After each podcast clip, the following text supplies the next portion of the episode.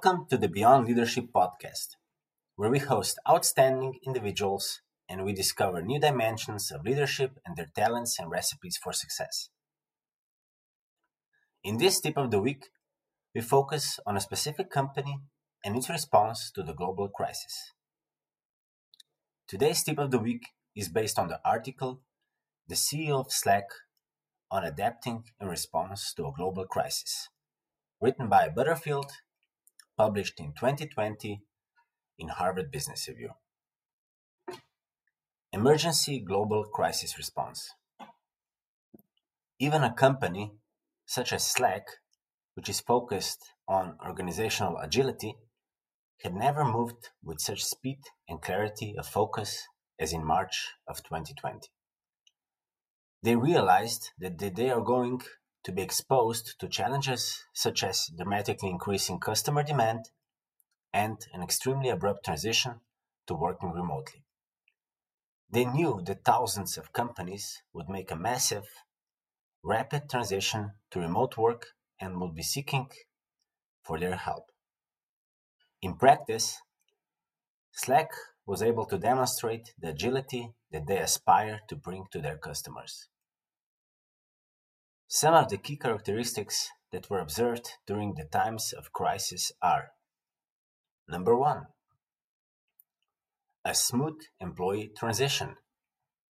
As an organization, Slack is built around and through a channel based messaging platform and made up mostly of knowledge workers, which softened the transition to work from home. In addition, in the company, everyone knows where to go to ask their questions, give their update, or catch up on decisions and results. They have always invested in a strong and disciplined culture of communication. Number two, a surge in customer demand. New customers wanted comprehensive proposals immediately. Existing ones wanted more training programs and more sophisticated features.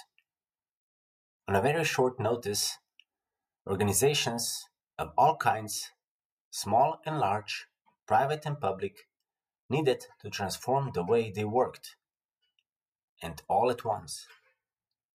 However, they will have to be very careful when thinking about competing dynamics. On one hand, there is a clear increase in short term demand that could potentially be coupled with a murkier outlook for the future, which is also a way the new reality for Slack.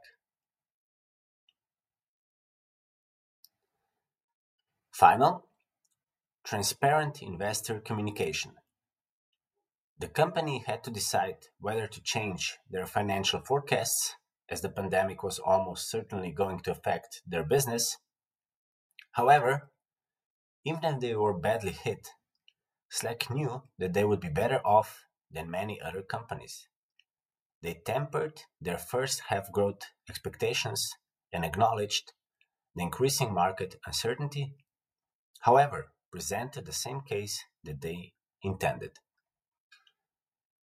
For the future, there is also some potential for companies if they follow the mentality to never waste a crisis.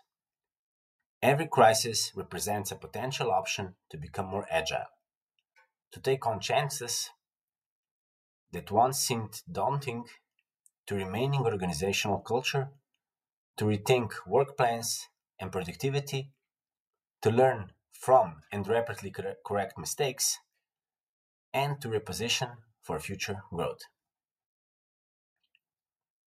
In your opinion, which is the biggest advantage and disadvantage of working remotely? How do you aim to improve as a result of this crisis? Thank you for listening to us.